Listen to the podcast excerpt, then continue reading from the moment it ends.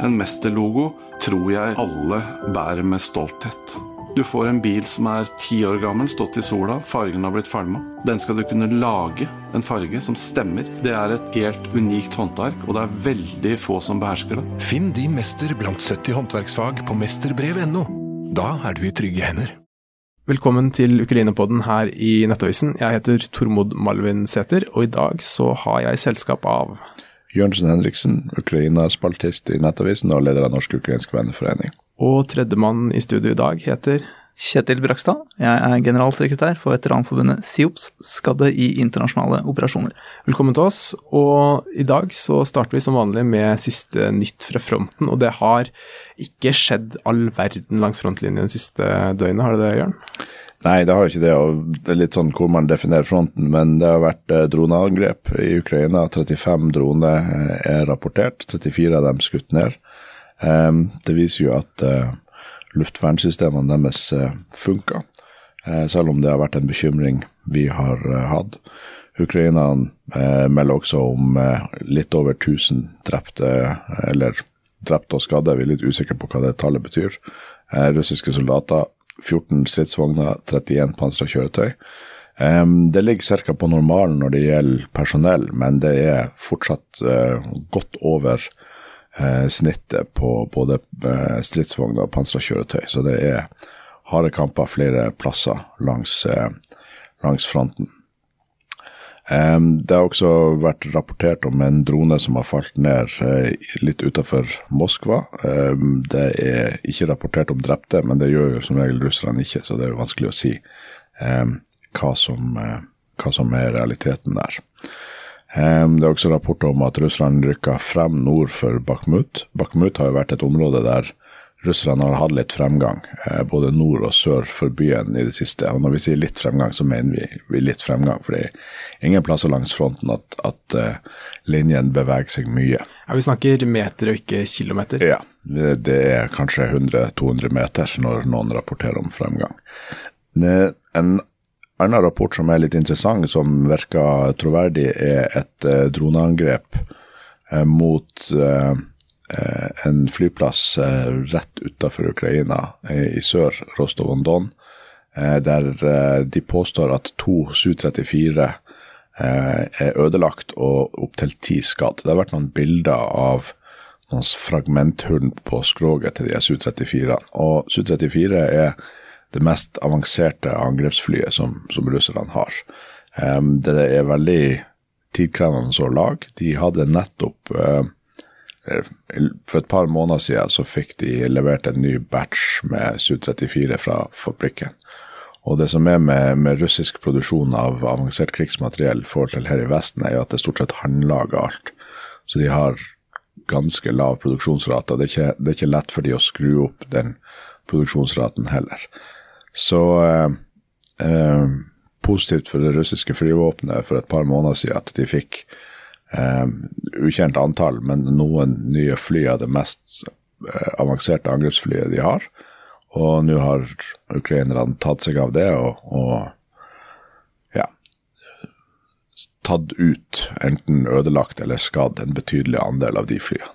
Ja, og du Kjetil, du er jo generalsekretær i SIOPS eh, og altså, skadde i internasjonale operasjoner. Eh, og Vil du fortelle på en måte hvordan du ble kvalifisert da, for medlemskap, eller hva som var historien din bak, eh, bak hva, ja, Hvordan fikk du din skade?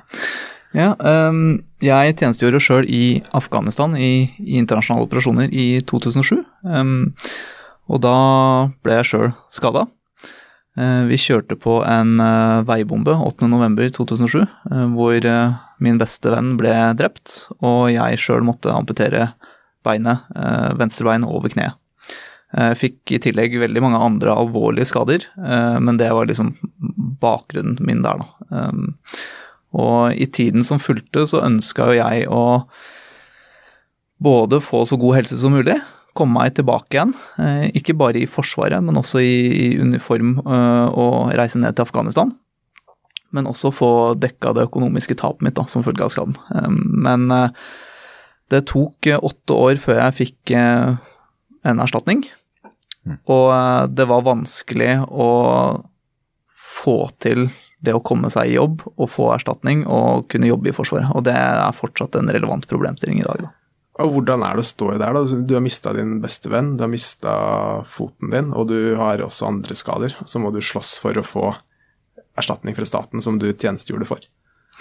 Ja, det er, eh, det er et eh, stort paradoks at man eh, velger å på mange måter ofre seg, da, liv og helse, på vegne av fellesskapet, og så står man der med skjegg i postkassa etter, etterkant um, og må kjempe for noe som man egentlig har rett på i utgangspunktet. Og det, det, er et veldig sånn stort dilemma, fordi mange som tjenestegjør, og selv de med skader, de ville gjerne ikke vært foruten tjenesten, eh, og har, eh, har, kanskje ikke noe imot Forsvaret heller, men det er liksom behandlingen i ettertid, byråkrat, byråkratiet, som, eh, som, er det vanskelige her. Da. Så, så, mange er jo veldig glad i Forsvaret, føler mye stolthet, men samtidig veldig mye skam da, over hvordan de blir behandla i, i ettertid. Ville du dratt ned på nytt? da? Du sier at det er mange som, mange, mange som blir skadd, ikke angrer på tjenesten sin. Men hvis du ville du dratt ned på nytt? Eh, jeg ville dratt ned på nytt hvis man hadde gjort endringer i de regelverkene som vi er omfattet av i dag, eh, og sørga for at man eh, ble behandla på en bedre måte. Det ville jeg. Men jeg angrer jo heller ikke på at jeg reiste ned i 2007, snarere tvert imot. Det var, var en del av min jobb og, og mine oppgaver å ta det ansvaret jeg gjorde, og være der jeg var på det tidspunktet. Mm. Og uh, Vi snakker jo mye om russiske tapstall i denne podkasten. Uh, vi snakker mindre om ukrainske, både fordi, fordi, vi vet mindre om det, rett og slett. Det er vanskeligere å, å finne ut av. Men de mister jo tusen og titusenvis av soldater, de også. Uh, og mange av de kommer jo her til Norge, de som f.eks. som deg mangler en, en, fot eller mangler, har fått andre krigsskader. De kommer her til opptrening i Norge og der har du vært involvert? Ja, um, vi i Veteranforbundet SIOPS vi jobber jo i hovedsak da, for uh, skadde fra internasjonale operasjoner og for å bedre deres helsemessige, sosiale og velferdsmessige vilkår i samfunnet, og økt anerkjennelse og respekt. Uh, og det ser vi jo har en stor overføringsverdi også overfor andre, f.eks. ukrainerne. da. Uh, og når de da får behandling i Norge, så er jo det en kompetanse vi også kan bistå med. Eh, nå gir jo ikke vi behandling, men vi har jo et likepersonsnettverk. Eh, og det vil jo si at det er personer som på mange måter har opplevd det samme eh, som, som det de skadde har, har gjort. da. Og vi jo, ble jo inspirert til dette bl.a. under veterankonferansen som var i, i januar. For da uttalte jo også forsvarsminister Eh, Bjørn Arild Gram at eh, krigen i Ukraina innebærer at det blir enda større behov for denne kompetansen i tiden fremover, også her i Norge. Eh, og det foreslo vi allerede i mars tidlig i år, i møte med forsvarsministeren. Men det er ingenting som har skjedd på, på høyt politisk nivå. Da. Men vi har klart å ta initiativ og, og hatt et par besøk hos skadde ukrainere som får behandling i Norge. Da. Og Hvordan blir dere tatt imot der, da, disse som har blitt skadd i Ukraina? da noen har blitt skadd eh, ja, 50 og 15, mer enn 15 år siden du ble, ble skadd. Men hvordan, tar de, hvordan, ser de på det å få selskap fra dere som har uh, sittet i samme båt for, for, for mange år siden og vet hva som ligger foran disse ukrainerne som kommer til Norge? De, de er veldig takknemlige. og det er klart at de, de, får et helt annet forhold til meg enn de andre som er rundt dem i, i hverdagen. Eh, altså en, en, lege, fysioterapeut, ergoterapeut og sånn. De kan gjerne fortelle veldig mye faglig, men de vet ikke hvordan det er å stå og gå i en protese, f.eks. Eh, og de vet heller ofte ikke hva som er mulig og hva som ikke er mulig. Eh, og da får det en helt annen betydning når noen selv med protese eh, står og snakker sammen med dem. Eh, og da kan vi utveksle erfaringer, og de lurer jo gjerne på hvor lang tid ting tar, hva man kan få til. Liksom. Kan man være aktive? Hvordan kan man ha på protesen hele tiden, osv. I tillegg så lurer jo også ukrainske myndigheter på altså hva kan man bruke de folka her til. For de er jo i en situasjon hvor de får mange med skader. Eh, og da er jo spørsmålet hvordan kan vi bruke disse eh, til tross for en skade, da. Kan de brukes, da? Ja, jeg tenker jo det, absolutt. Eh, og det er jo som jeg sa, at eh, jeg ønska meg jo tilbake igjen, ikke bare til Forsvaret, men også tilbake til Afghanistan. Og den ene operasjonsoffiseren eh, som, som jobba i franske operasjonsoffiseren i Afghanistan, han mangla jo en arm og et øye, og alle visste jo hvem han var. Det hindra jo ikke han i å gjøre den jobben han gjorde. Eh, og der har jo Norge veldig mye å lære. Mm. Eh, og det er jo en situasjon som ukrainske myndigheter står i i dag, da. Fordi de vil få, altså de har fått og vil få veldig mange skadde eh, i tida framover. Og må finne ut en måte hvordan de kan bruke de her på, på nytt, da. Ja.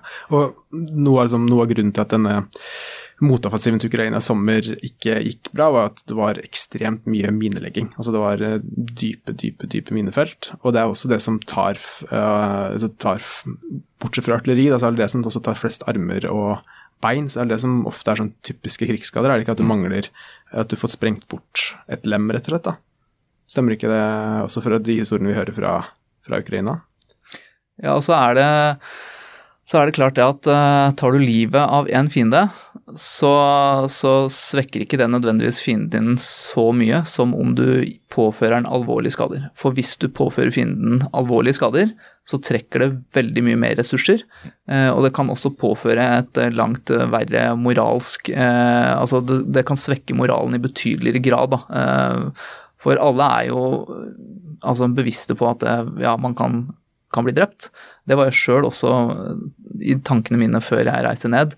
Men jeg så ikke for meg hvor alvorlig skade man kunne få. Eh, og det kan på mange måter være ganske mye verre enn det at man blir drept. Da. Man ser folk som mangler både armer og bein, eh, og du ser innvoller som, som eh, ja, ligger strødd. Da. Det kan gi et mye sterkere inntrykk. Da. Mm. Og det er jo et, et, et, poeng som vi har diskutert her tidligere noen ganger, at det er en forskjell Eh, og det er kanskje bare blitt sterkere og sterkere forskjell mellom russerne og ukrainerne om eh, hvor mye ukrainerne verdsetter liv og ønsker å ta vare på sine soldater. Charles Affair, som var i går, snakka også om det. Men han Kurt Eriksen, som, eh, som var på en tidligere episode som er frivillig som medic eh, der nede, han fortalte jo at de dekket til eh, alle indikasjoner på at de var medics, for at det ble de bare et større mål for russerne. Sånn at ja, altså det har, skjønner jo på en måte den kyniske logikken som ligger bak, men det er en veldig, veldig brutal måte å, å, å oppføre seg på slagfeltet på. Ja, og så er det, som du er inne på, så hvis du nå, Jeg har ikke bakgrunn fra Forsvaret, så det er bare min uh, altså sofakommentering. Men eh, det er også hvis du en, uh, ser et angrep på posisjonen din, så hvis du dreper én, så som sier, det vil jo ikke da ødelegge altså, vil ikke, Det er ikke noe vits å stoppe å hjelpe den ene som allerede er død, men får du skadd de, så vil du på en måte skape mer uh, usikkerhet og bryte opp angrepet mer. Er vel noe av det som logikken som ligger bak, bak noe det du var inne på der, kanskje? Ja, absolutt. Og det er jo f.eks. har du en patrulje på uh, seks personer som er ute og går, og en av de tråkker på en mine. Uh, blir han drept, så ok, greit, men da, da får du han vekk på et vis og kommer deg videre, kanskje. Eh, blir han hardt skada, ok, da, da, vil du bli sinka. Eh, du, du, det vil trekke ressurser fra deg, eh, for du må gå rundt og bære på han her og ta vare på han. Og det er jo sånn som den posisjonen også. Får du en som er drept, ok, da, da dytter hun til side, og så er det en ny som tar over. Får du en som er skada, så binder du opp kanskje én til to personer som må sitte og behandle han. da. Så det, det kan være veldig mye mer krevende sånn sett. Mm. Og disse ukrainerne dere har truffet her i Norge, hva slags skader og historier er det de har? Kan du si noe om det? Det er veldig variert. Eh, noen tilfeller er jo selvfølgelig at man treffer på miner. Andre er skuddskader. Eh, andre er bombeangrep. Eh, også hvor man bruker type stridsmidler som, som kan være ulovlige. F.eks. med sånn brann Altså type napalm-lignende brannmidler. da som gjør at man har sånn syre, syre og bensinblanding som, eh, som, etser seg gjennom huden. Så det er ganske alvorlige og, og, kompliserte skader. Eh, sånn jeg har forstått det, så er det de mest komplekse skadene som, som får behandling her. De som er relativt enkle, det tar de seg av i Ukraina, da. Mm. Og det er også et, det helsevesenet i Ukraina er jo overbelasta av, av skadde ukrainere som mangler altså, som har mista et lem eller har andre, andre, skader. Så det er også derfor det er også stort behov da, for å få denne behandlingen i utlandet, sånn som jeg skjønner det. Ja, absolutt. Og i hvert fall av det jeg har fått vite, så, så er det et uh, betydelig underskudd på ortopediingeniører, altså uh, personer som lager proteser. Da. Mm. Uh, og det er klart at det krever gjerne en, en spesiell kompetanse, og det har man hva skal jeg si, gåsehudene heldigvis da, fått etter krigen i Afghanistan og, og Irak. Mm. Eh, fordi du har fått mange bl.a. amerikanske soldater da, som, som, har blitt skada. Um, ehm, men i tillegg til, til, disse fysiske skadene, så er det jo også de, de psykiske skadene. Uh, og det er jo mange, sjøl her i Norge også, som opplever at de, uh, de møter et helsevesen som ikke er uh, i stand til å forstå dem på mange måter. Fordi man har ikke spesialisering på krigsrelaterte traumer. Eh, altså traumer som kommer fra den settingen. Eh, og det er jo en kompetanse som, som vi har etterspurt i, i, mange år, og som også vil være veldig relevant for ukrainerne både nå, men også i mange, mange, mange, mange år framover. Ja, for, for noe, altså mange av disse krigstraumene kommer vel ganske lenge etterpå, sånn som jeg skjønte. Altså, for noen da, så kan det gå noen år før de begynner å før det begynner å bli et problem, stemmer det? Ja, absolutt. Og, og det kan jo fort gå 10-20 år før, før, mange ser at, at, de har utfordringer som, som, skyldes, som skyldes, krig. Og f.eks. posttraumatiske stresslidelser, som har, har bakgrunn fra, fra deltakelse i krig og krigslignende situasjoner. Så selv om man ikke ser det i dag, så, så kan det hende at det kommer mange år senere. Og det ser vi jo også fra Afghanistan-undersøkelsen, eh, hvor den siste ble ferdigstilt i, i 2020. Der ser vi også at det er en økning i antall skadde etter hvert som årene går. Eh, og det vet også Forsvaret og, og myndighetene. Så vi vet jo at selv om Norge f.eks. ikke har like mange som deltar i internasjonale operasjoner i dag, så vil antallet med skadde det vil øke i, i åra fremover. Da. Mm. Og du var jo litt eh, Noe dere, dere, er veldig opptatt av, er at det er viktig å ta vare på veteraner. Eh, og det, det, er helt klart moralsk eh, riktig, det, du skal slippe å, å, utdype det, men dere trekker også en linje til forsvarsevnen til Norge, da. Og hvor, hvor ligger på en måte koblingen der? Vil du si noe om det? Ja, absolutt. Og, og jeg tenker også at det, det, er veldig relevant til det eh, du var innom her eh, tidligere om, eh, om, hvordan man tar vare på folk. fordi når du ser den brutaliteten som, som skjer i krig, så er det klart at uh, mange stiller seg kanskje spørsmålet er det her noe jeg vil delta i. Er, er det her noe jeg er villig til å ofre meg, meg for? Men hvis man har et godt system for å ivareta folk på en veldig god måte, så er det klart at det vil antageligvis styrke forsvarsviljen, med at flere er villige til å stille seg til disposisjon, til å vie liv og helse på vegne av nasjonen. Hvis de ser at ok, skader du deg, så blir du tatt godt vare på. Um, I tillegg så tenker vi at det kan styrke forsvarsevnen, fordi hvis du klarer å bruke folk med skader, ja, da får du jo flere da, som kan f.eks. jobbe med fronten, eller eh, med å lage utstyr eller lignende. Eh, og et av forslagene som vi har eh, spilt inn, f.eks., det er jo at man kunne fått stillingshjemler i, i Forsvaret retta mot skadde eh, veteraner. Sånn at de kunne kommet seg inn i arbeid igjen. Og da kan, kunne de avlasta Forsvaret eh, på veldig mange måter. Eh, og tilføyd ekstra ressurser uten at det kunne nødvendigvis kosta Forsvaret noe, da, i kroner og øre. Det kunne jo vært finansiert gjennom Arbeids- og inkluderingsdepartementet, f.eks. Ja. Det er jo en veldig relevant problemstilling for Ukraina også. Jeg vet jo at en ting de sliter med, vi snakka i går om en potensiell mobilisering eh, av opp mot en halv million styrker til. Og da er det jo altså, en typisk problemstilling da er jo Eh, behov de har langs fronten, eh, kontra behov de har for å trene opp nye styrker. Og du vil jo gjerne bruke noen av de, de flinkeste du har til å drive opptrening også. Så det er klart folk som, som er, er, så skadd at de ikke nødvendigvis kan være ved den fremste skyttergrava, kan jo spille en veldig god og, og viktig rolle i opptreningsøyemed også. Og det, uten at jeg vet det, så regner jeg med at det er en type rolle som det norske forsvaret også har behov for. Mm. Det, ja.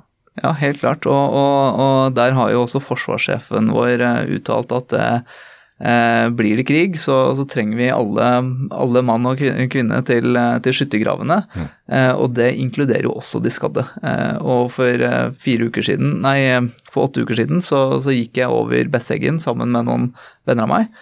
Halvannen mil, ikke sant. Eh, og det er klart at det Ok, da, da, vil jo jeg kanskje kunne, selv om jeg kanskje ikke kan eh, løpe inn dører og sånne ting, så kan jeg bære ammunisjonskogger fra A til B et par hundre meter. Eh, det er en funksjon jeg kunne fylt. Så kunne han eh, andre som egentlig skulle gjort det, han kunne dratt til frontlinja og sparka inn dører og løpt rundt. Uff, ja. Det, det, ja. Og det eh, Jeg husker eh, en av disse soldatene som forsvarte eh, Asovsdal. Eh, han var en spesialsoldat som ble flydd inn i helikopter. Det var jo noen helikopterturer inn mens eh, hele Mariupol var beleira. Og han var en av de som frivillig meldte seg til å dra inn og forsvare eh, Mariupol. Han heter uh, Russland et eller annet, veldig aktiv på sosiale medier. Han mista eh, beinet sitt i, i Azovstal. Eh, det var en det var et artilleriangrep, tror jeg, som eh, Ja, det var en kjetting som eh, eksploderte og rett og slett kappa av eh, foten hans rett under kneet. Uh, og han var i Norge i fjor, på den ukrainske nasjonaldagen faktisk, holdt tale foran uh, Stortinget. Uh, da hadde han vært der og fått norsk protese, og så dro han tilbake til Ukraina. Og han I dag så ser jeg i hvert fall at han er blitt instruktør, da, hvor han da instruerer nye ukrainske soldater i, i, krigføring. For det her er jo da helt åpenbart, han sitter jo på veldig, veldig mye kompetanse, og har også ja, erfaring fra en av de mest brutale beleiringene i, i hvert fall i Europa, da, i, eller hva, i nyere tid. Eh, og da evner å overføre den til nye rekrutter. Så, så, det er åpenbart at, at, at, det skjer. Og så vet jeg ikke jeg hvor eh, vanlig det er, men, men det er i hvert fall enkelteksempler på at de evner å ta i bruk disse, disse veteranene. Og det er vel også Ukraina helt avhengig av, for vi har snakka om det mange ganger tidligere, Jørn, at Ukraina har mange færre mennesker enn Russland. Det er jo ca. 100 millioner i favør Russland. 140 i Russland og 40 i Ukraina. Ja. Så de må også bruke folka sine bedre og smartere. Ja, og det her med smartere er et veldig godt poeng, for at du må ha folk med erfaring. Eh, for ukrainerne slåss jo på en helt annen måte enn russerne. Det er lettere for russerne å erstatte sine folk, rett og slett for at nå er de kommet på et såpass lavt kompetansenivå i styrkene sine at å erstatte en soldat uten opplæring med en ny soldat uten opplæring reduserer ikke stridsevnen deres veldig mye. Mens hvis ukrainerne eh, må ta en soldat som har eh, trent i tre år og slåss i ett år fra fronten, så mister de veldig mye kompetanse. Og eh, Nå skal jeg ikke navnet på han, men Nettavisen intervjua også en uh, ukrainsk soldat som var på uh, rehabiliter, eller uh, var ja, rehabilitering her i Norge på årets ukrainske nasjonaldag. Og han skulle tilbake til fronten. Han hadde vært ganske alvorlig skada, men hadde fått tilbake funksjonaliteten i, i beina og sånn. Og jeg snakka litt med han før intervjuet med Nettavisen, og han fortalte han har slåss siden 2014. Så han har jo snart ti år med, med, stridserfaring, og det var tydelig på de arrene han hadde både i ansiktet og på hendene, at det her var ikke den første krigsskaden han har hatt. Nei, han, han sa han hadde fire-fem alvorlige skader tidligere. Så det er mulig å, å, å komme tilbake, og, og, den type kompetanse og, og kunnskap er jo livsviktig for helt nye rekrutter som kommer til fronten og, og være i samme skyttergrav som han, da øker overlevelsessjansen deres betydelig. Ja, og det er dere som eh, kan mer militærhistorie enn meg. Det er ikke mitt sterkeste kort, men det var også noe fra uh, skyttergravskrigen i første verdenskrig, at de på en måte Overlevde du de første, første, par dagene, så økte også sjansen betraktelig for at du overlevde veldig mye lenger. da, At på en måte de nybe, si, nybegynnerfeilene ble luka ut veldig veldig fort. Og den kompetansen der er det jo mye billigere å få i opplæringen fra folk som har gått gjennom det, enn å komme til fronten selv, og så blir x prosent av de nye soldatene meid ned fordi ingen forteller dem hva som er lurt og ikke lurt. da. Uh, ja. Og uh, disse ukrainerne som kommer til Norge og får behandling, hva utgjør liksom, de fysiske skadene ser man noe uh, så Hvordan er moralen deres, og hvordan er kampviljen? Kan du si noe om det de du, de har møtt? da? Ja, altså i hvert fall av det, det jeg eh, har erfart fra, fra samtalen med de, så, så er jo eh, moralen veldig høy og, og, kampviljen veldig sterk. Uh, og flere av de er veldig tydelige på at det, de ønsker seg tilbake eh, på, på, en eller annen måte. Eh, og, og, de lurer sjøl på hva kan de gjøre, og hvordan kan de fungere på, på en best mulig måte. Og de er veldig nysgjerrige på, på akkurat det. Eh, kan jeg løpe igjen? Eh, kan jeg Hvordan kan jeg fungere? Kan jeg gå normalt? Hvor mye kan jeg bære og, og løfte og sånne ting? Eh, og da viser jeg de jo gjerne bilder av at jeg sjøl har vært og, og, gått på ski og den type ting.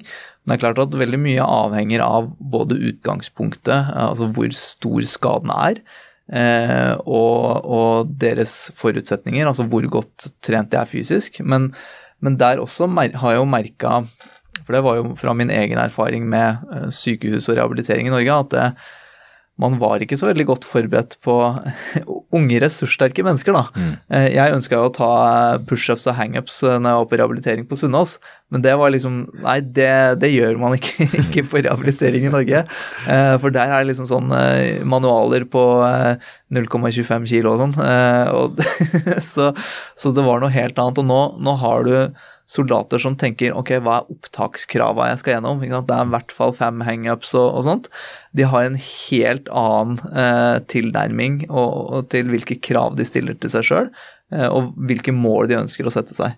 Eh, men det må man jo sette selvfølgelig individuelt ut fra ens egne forutsetninger, men de folka her kommer jo med helt andre eh, En annen fysisk skikkethet og forutsetning enn ikke sant, Olga på 76 som har brukket lårhalsen da, eller altså et eller annet. Mm. Ja, og det var også, Jeg leste en reportasje når jeg hadde med VG Helg, og det er også det en av disse legene trakk fram, at det her er jo topptrente, altså topptrente unge menn som kommer, da. Som gjør rehabiliteringen veldig veldig annerledes. Som, som deg, da, som vil ta pushup og hangups med, med de skadene du hadde. For det var jo mer enn bare foten din som som fikk skader? Ja, jeg fikk et eh, komplisert brudd i, i høyre legg eh, som gjorde at jeg måtte ha nærmest et sånt derre eh, da. En, en fiksasjon kalles det. Hvor du har skruer og, og vaiere som går gjennom beinet. Um, I tillegg så, så, punkterte begge lungene mine, og så kollapsa de. Så jeg måtte trene opp de. Eh, jeg fikk eh, brist i bekkenet og albuen. Jeg fikk et åpent brudd i venstre arm, og venstreøret hadde jo nesten falt av. Eh, og så fikk jeg en del kuttskader og, og sånne ting. Så jeg, jeg fikk, en, fikk, ganske mange og, og alvorlige skader da, fra den hendelsen alene. Jeg er bare greit å nevne at det, når du er involvert i en så kraftig eksplosjon, så er det mer enn bare en fot som forsvinner. At det er andre skader i tillegg. Og Da er det sterkt å ville begynne å ta pushups og hangups etter hvor lang tid? Når begynte du å tenke på det? Altså, jeg, jeg tenkte jo på det allerede altså nesten fra dag én. Altså, feltpresten eh, som, som, var ved siden av meg eh, når jeg våkna på Ullevål, han spurte ja, hva tenker du om, om situasjonen nå, Kjetil? Hva, hvordan, eh, hva går gjennom huet ditt nå? Da så jeg ned på kroppen min og sa at det blir i hvert fall vanskelig å klare 3000-meteren på under tidskravet. og det var litt sånn der, Allerede der så, så, på en måte begynte jeg å sette meg noen mål, da, sjøl om jeg, jeg, hadde jo ikke noe peiling på hva jeg gikk til. Mm. Eh, og sånn opplever jo mange av, av, disse ukrainerne det også, fordi de har aldri sett en protese før, eller møtt noen som bruker protese. Eh, og da, da er det veldig betryggende å møte noen som har eh, lang erfaring, da, og som vet eh, bokstavelig talt hvor, eh, hvor, skoen trykker. da. Så... Men det blir, jo interessant å se da hvordan Ukraina blir eh, etter krigen. For at eh, du forteller jo en historie om at dere er jo ganske få og utypiske i forhold til de type skadene som kanskje eldre slagpasienter har og sånn, mens Ukraina vil jo få veldig mange veldig unge folk med, med skader. Så jeg har hørt diskusjoner om hvordan det vil påvirke arkitekturen i, i Ukraina, blant annet. Altså, eh, universell utforming er jo et moderne fenomen, men det vil jo sannsynligvis ha et eh, stort sprang fremover i Ukraina med, med, så mange veteraner. Og også det er bare å bygge opp den typen kompetanse eh, med, med, rehabilitering og, og sånn. Så nå trenger de jo alle mulige erfaringer fra ute i verden, men sannsynligvis om noen år så er jo de kanskje den kompetansehuben som resten av verden går til. Ja, absolutt, og det, det er en tanke jeg sjøl har, har, gjort meg. fordi du, du, du, ser jo byer som er bokstavelig talt jevna med jorda, eh, og, og, da blir det jo på et eller annet tidspunkt spørsmål om å bygge det opp igjen.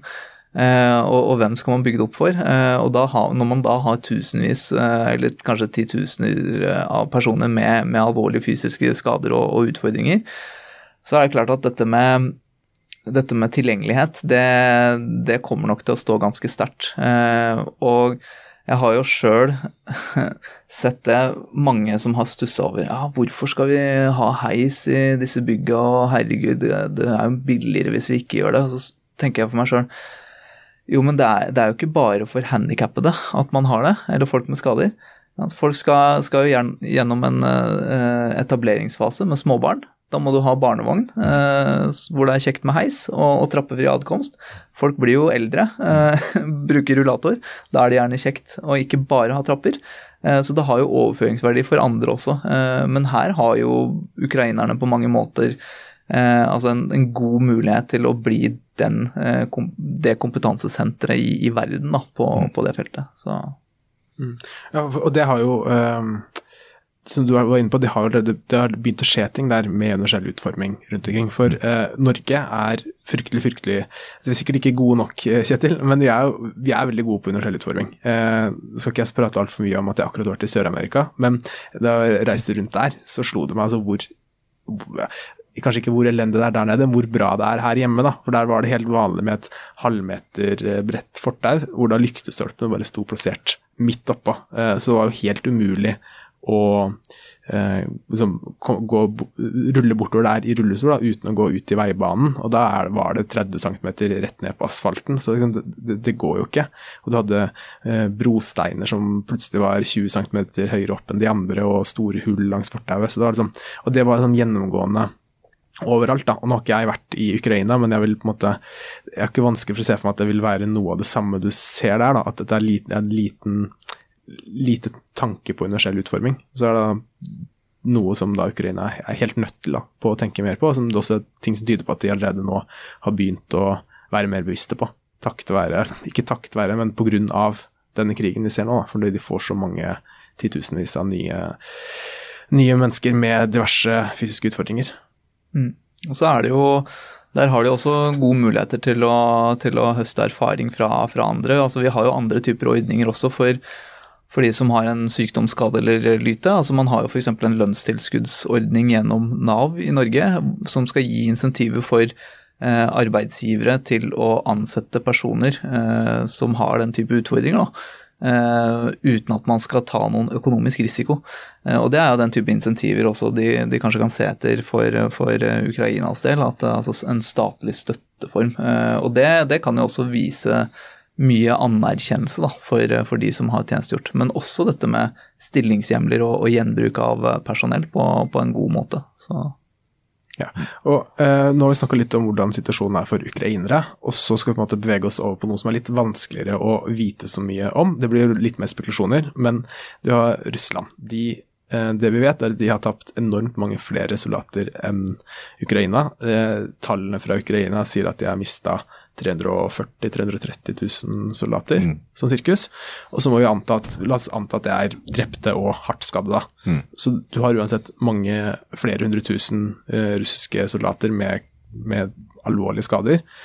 Uh, både fysiske, det er én ting, men så er det også det psykiske. For uh, Norge har også fått mye kritikk for å ikke være flinke nok da, på å ta vare på veteraner som har vært i utenlandstjeneste. Men jeg vil tro at forholdene for de i Russland er nok ikke I hvert fall ikke noe bedre, og antakeligvis veldig mye dårligere. Og så kan du si noe om dine tanker rundt hvordan det her vil, kan påvirke Russland i neste generasjon? da?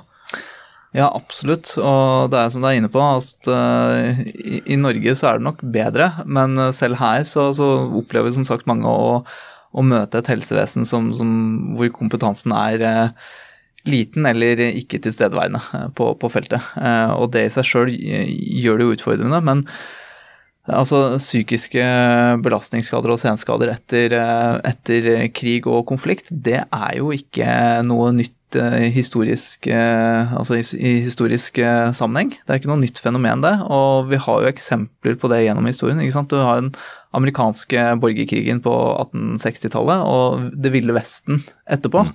Eh, hvor du fikk eh, Eh, hvor du fikk mange som Altså mye lovløse tilstander som mange mener at kanskje kan ha en sammenheng med, med borgerkrigen og, og, manges deltakelse der. Og eh, første og andre verdenskrig, eh, Koreakrigen, Vietnam eh, og krigen i Irak og, og Afghanistan, da, hvor mange har slitt i, i ettertid.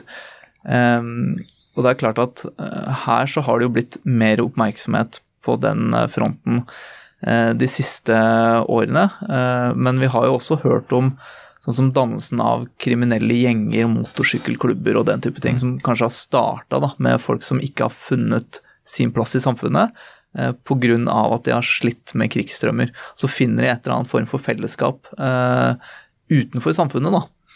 Eh, og heldigvis så har vi jo et bedre system for det her eh, i, i, Vesten nå, men jeg tør jo ikke tenke på hvordan det her kanskje er, er i Russland, da, um, hvor systemet antageligvis er langt, langt dårligere. Mm. Uh, og med den tapsraten de har, og ikke minst med antall skadde eh, og de personene som de sender ut. Altså De har jo løslatt folk fra fengsler, sånn jeg har skjønt det, um, til å delta ved fronten. Jeg lurer på om uh, andelen, altså antall innsatte i russiske fengsler har gått ned med sånn ca. 40 000. Så jeg snakker om, snakker om mange folk. ja, og, og, og, da, og det, det, er jo et paradoks, fordi du har bura inne folk og sagt at du skal sitte i fengsel fordi du har gjort ting som ikke er lov uh, i sivilsamfunnet.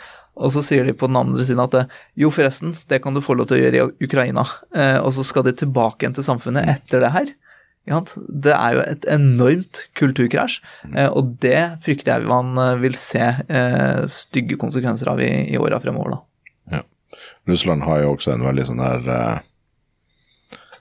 Jeg skal prøve å bruke diplomatiske ord, men sånn macho-tilnærming til, til de her tingene, og, og ikke et særlig sofistikert tilnærming til, til psykisk helse, kan vi vel si. Som gjør at de har jo ikke noen form for mottaksapparat. og Eh, en, eh, en, dokumentar på NRK, en fransk dokumentar som er på NRK som heter 'Russland en hjernevasking av en nasjon'. Som er veldig interessant av mange årsaker man burde se, men der er det blant annet eh, Der følger de en veteran etter at han kom hjem. Og han, han driver og spekulerer i om han er den eneste som har overlevd i hans enhet, eller om det er en til. Og det bare veldig tydelig at han har veldig sånn der uh, survival guilt og, og, og sliter med det her. Uh, men han er jo bare overlatt til seg sjøl og skal, skal, funke i, i, samfunnet igjen. Og, eh, eh, men, men, det er interessant, de, de, krigene du nevner, og en kontrast mellom hvordan Vesten ofte opplever sånne ting, og, og, og det som blir situasjonen i, i, Ukraina. For jeg har sett mange spekulasjoner i, eller mange som forklarer at mange får gjerne enda verre sånn traumer eller problemer med, med, å komme tilbake til samfunnet enn de nødvendigvis hadde trengt å få pga. at det er ingen som forstår hva de har vært gjennom når de kommer tilbake til det sivile samfunnet. Det var spesielt et stort problem etter Vietnamkrigen. Kommer tilbake til, til USA, til et helt fullstendig annen virkelighet, der ingen av de du møter, forstår hva du har vært gjennom ved, ved fronten eller i Vietnam. mens mens det spekuleres i at kanskje blir det annerledes i Ukraina, for at denne krigen er noe som alle kollektivt har opplevd på en eller annen måte, og alle vil ha en forståelse for at selv om de ikke har vært med fronten sjøl, så skjønner de at det er veldig mange som har vært der og har, har opplevd noe annet. Og ja, kanskje det, det er noe det er noe vi kan lære av det, at vi trenger en, større kollektiv bevissthet her hjemme om at uh, der vi har samfunnsmedlemmer som på en måte har gjort en jobb på vegne av nasjonen, og, og at det må at det må vi ha forståelse for at det er vanskelig å komme tilbake. Mm. Ja, jeg, jeg håper jo også det. og det tror jeg kan, kan være bedre for uh, altså, ukrainernes del. For jeg tror jo og håper jo at de genuint ønsker å lære av det her og, og komme best mulig ut av det. Um, og at samfunnet som helhet uh, viser en forståelse og, og ivaretar folk. Uh, og der, men der er jo Der tror jeg jo situasjonen vil være mye verre for russerne, f.eks. For, eksempel. mm. for der, der, tror jeg, som den machokulturen, så tror jeg også at det er mye mer kultur for å gjemme det vekk og, og ikke snakke om det. Og, og, og på en måte, sam, Samtidig så er det det er jo kanskje et samfunn som du er inne på, som ikke er like mye opptatt av ting som er sofistikert. og, og kanskje dette med ivaretagelse, følelser, det å snakke, altså åpenhet rundt ting. da, Mm. eh, Der er man nok mye mer lukka på, på mange flere områder. Og det er ikke den åpenheten. altså Her kan du jo liksom demonstrere uten at eh, du blir slått ned av politiet. Eh, det er nok en litt annen situasjon i, i Russland. Eh, men er det mange nok der borte, så, så er det jo klart at det, det kan bli en ganske annen situasjon. Eh, samtidig, for, for ukrainernes del, så jeg håper jo at de ikke går i den samme fella som, som man gjorde med bl.a. krigsseilerne, f.eks. For, eh, for det er jo fortsatt et veldig sårt tema for mange. Eh, at det var mange som, som følte seg glemt eh, etter andre verdenskrig, da, f.eks. Eh, og kanskje mange som slet. Eh, og det her er det jo mange som, som har fortalt historier om, eh, også i dag, da, at eh, Nei, pappa eller bestefar de var sjømann, og, så, ja, og det snakker man ikke om. Ferdig med det. Og en annen veldig stor forskjell, vil jeg tro, da, mellom Russland og Ukraina, er noe så Du trakk frem Vietnam. Mm. At det var mange soldater som kom tilbake derfra, og så kom det til et samfunn som ikke skjønte det i det hele tatt. Og det er også at Vietnamkrigen ble jo i hvert fall voldsomt upopulær på hjemmebane. Og det var vel også mange som altså de, de soldatene opplevde eller en del stigma også, altså at de, de ble sett ned på fordi de hadde slåss i Vietnam, mens de selv tenkte at de hadde forsvart, og opplevde at de hadde forsvart USA, forsvart fedrelandet og gjort, gjort en innsats. Så kommer du hjem og ja, blir sett på som en skurk. Eh, mens eh, i Ukraina så vil alle altså det, det er ingen i Veldig, veldig få, da. Det, kan, det er kanskje mer enn en håndfull, men det er, ikke, det er ikke så veldig mye mer som Ukraina som mener at denne krigen bare bør gis opp, at det er Ukraina som egentlig er skurken. Er, de, de sto samla mot den invasjonen, og soldatene ses på som altså, De får veldig mye anerkjennelse og får, en slags heltestatus, da. På en, på en helt annen måte enn det Vietnam-soldatene fikk, og også det russiske soldater får. For det er jo i Russland så, så majoriteten av befolkningen merker jo ikke noe særlig til, til krigen. Altså for dem så er, er det jo det er knapt nok Så det er, det er jo fortsatt i russiske medier, men istedenfor å være på førstesida, så er det, er det godt gjemt inne i avisa, for å si det sånn. Jeg vet ikke hvordan det påvirker også det å komme tilbake til, eh, til sivilsamfunnet. Ja, der tror jeg på en måte de ukrainerne har eh, en fordel i gåseøynene, med at det, det er de som De kjemper jo for sin egen overlevelse. Eh, Det er noe helt annet. Og, og, og er jo av en helt annen verdi både for den som skader seg, men også for samfunnet som helhet. eh, Og vil nok få en mye større forståelse for at dette er et stort offer enn den eh, russiske veteranen. da.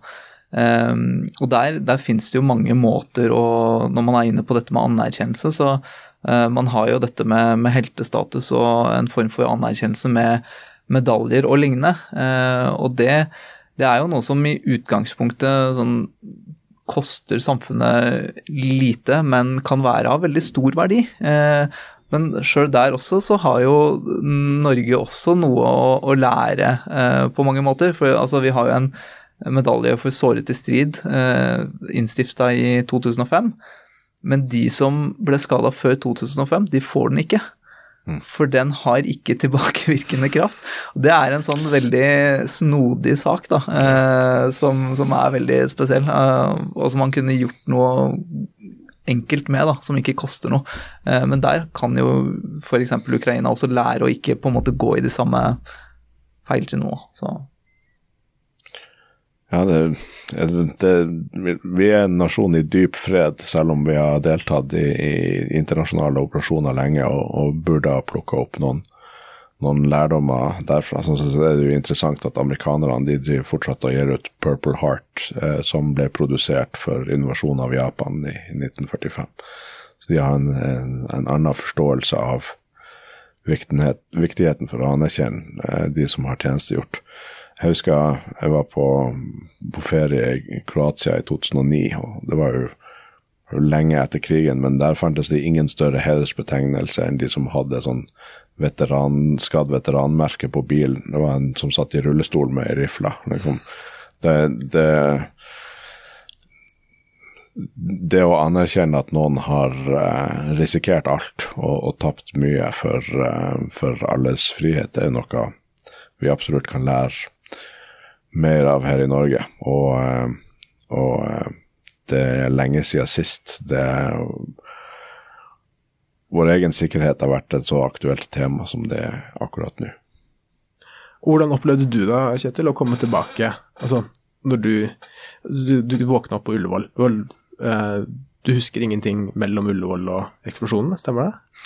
Ja, jeg huska jo Altså, jeg så ned på min egen kropp, og det var to ting som sto i hodet mitt. Det var Afghanistan og Kristoffer. Men jeg huska jo ikke hvor gammel jeg var. Eh, jeg visste jo ikke hvor jeg var fra eller noen ting. Eh, så, så jeg måtte jo bli kjent med meg sjøl på nytt igjen. Eh, men, men, det var den utfordringen med å ikke sant, Og det, det, er jo noe som vi i SIOPS jobber for. Det er at de som skader seg, skal få nødvendig helsehjelp. At man skal komme seg i jobb eller arbeidsretta tiltak. Eh, og få erstatning eller kompensasjon eh, ved en skade, eh, eventuelt for et økonomisk tap. Men de tingene klarer man ikke å få til å gå sammen. Fordi man, sant, du har flere aktører å forholde deg til, flere etater. Forsvaret som arbeidsgiver, Nav som etat, Statens pensjonskasse som forsikringsselskap og helsevesenet. Og så klarer ikke de å, å kommunisere så godt sammen og, klarer ikke å få en god overlapp da, på de ansvarsområdene de har. Eh, og Det er jo en veldig stor svakhet eh, i det systemet vi har i dag. Og, det har man ikke tatt godt nok tak i for å sørge for at det går knirkefritt. Eh, så potensialet der er jo veldig stort, og det kunne man gjort noe med. Men mye av det krever nok en ganske god gjennomgang og, og runde med de som har skadet seg, for å spørre hvilke utfordringer har de opplevd, og, og, hvilke tiltak kunne man gjort for å bedre det. Da. Eh, og det finnes det mange av, og ikke alle trenger å være så eh, kostbare, sånn som dette med medaljen såret. Den kunne man jo bare gitt tilbakevirkende kraft. Uten at det nødvendigvis koster all verden av, av penger, da. Det koster jo ikke veldig mange hundrelapper å trykke opp en sånn medalje, vil jeg tro? Nei, det, det tror ikke jeg heller, så, men for den som eventuelt ville fått den, så, så kunne det betydd eh, veldig mye, da. Eh, sånn som nestlederen vår, han ble jo sjøl skutt i 2003, eh, men han får jo ikke den per i dag, eh, sånn som den er, da. Så. Smått absurd. Ja, det høres ut på meg, ja. Det er veldig, veldig merkelig. Eh, men da jeg tror vi har kommet til en slutt i dag, hvis ikke det er noe dere føler dere brenner inne med etter å sitte her? Jeg vil bare si takk for at du har tjenestegjort, men også veldig viktig eh, og det ser man jo alle som har jobba litt med politikk eller prøver på en eller annen måte å, å dytte en sak i riktig retning. Viktigheten av å, å organisere seg og, og bruke Sånn sett har du jo virkelig brukt ressursene dine godt for å, eh, for å hjelpe andre, men også, som vi snakka om i begynnelsen, å løfte vår egen eh, stridsevne. Så eh, veldig bra den jobben dere gjør. Ja, tusen takk. Og det er Jeg tror jo og regner med at krigen i Ukraina er en reell vekker, også for politikerne våre, men, men også for, for Forsvaret. Fordi vi har en del uløste problemstillinger, men det fins mulige tiltak som man kan få til. Men da må man virkelig satse på det, og det, det tror jeg man kan få til da. Med de ordene så tenker jeg vi avslutter. Så sier vi takk for at dere lytta. Og så neste episode kommer ut første juledag. Da kommer eh, Eller da har eh, Ine Eriksen Søreide, hun har allerede vært der, men eh, episoden slippes da. Så håper vi dere vil lytte den i jula, og så slippes også noe nytt i romjula. Så er det bare å si god jul.